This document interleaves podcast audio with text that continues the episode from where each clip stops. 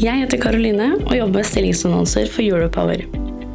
Europower har mer enn 7000 abonnenter, og podkasten du nå lytter til, har mer enn 300 ukentlige lyttere. Hvis du er på jakt etter ny jobb, se stilling.europower.no. Ta også gjerne kontakt med meg dersom du ønsker å annonsere ledige IT-stillinger i fornybar energibransje.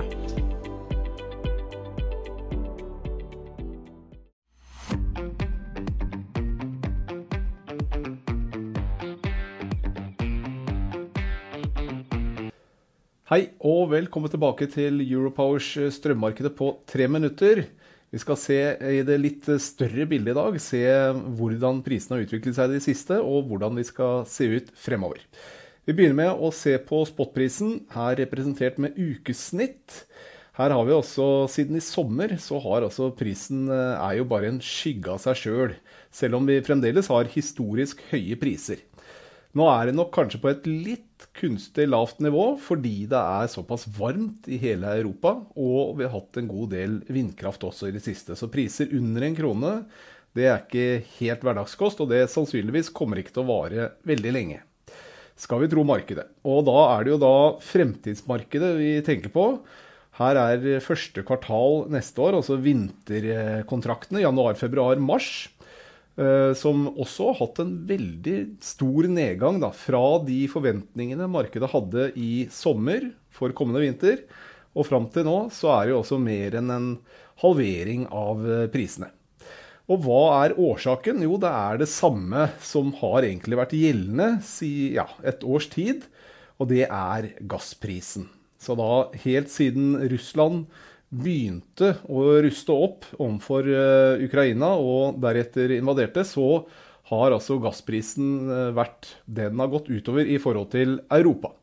Men tross alt så er det, selv om det kommer lite gass ifra Europa, så er altså prisene på vei nedover også i gassprisen.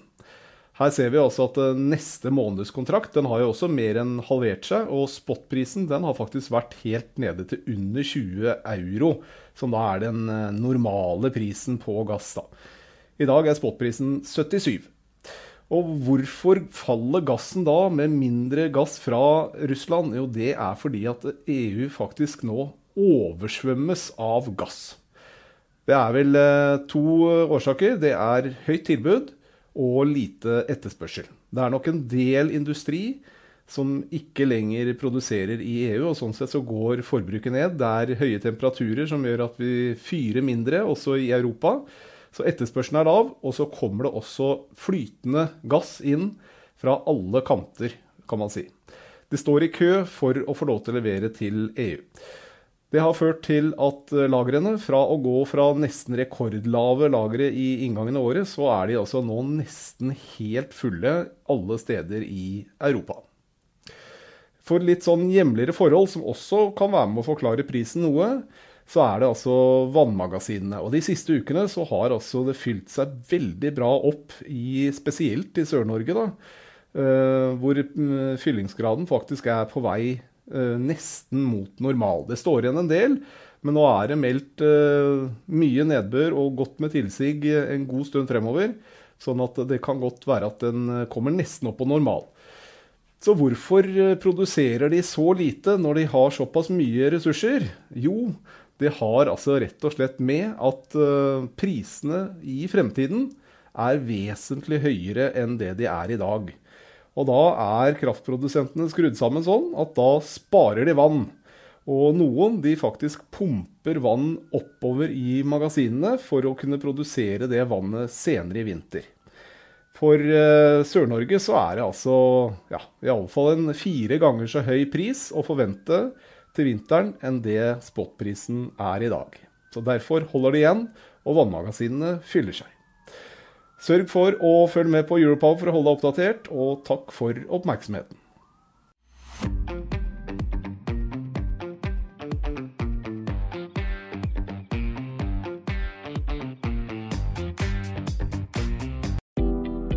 Jeg heter Karoline og jobber med stillingsannonser for Europower.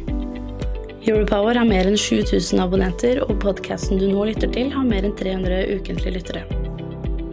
Hvis du er på jakt etter ny jobb, se stilling.europower.no. Ta også gjerne kontakt med meg dersom du ønsker å annonsere ledige IT-stillinger i fornybar energibransje.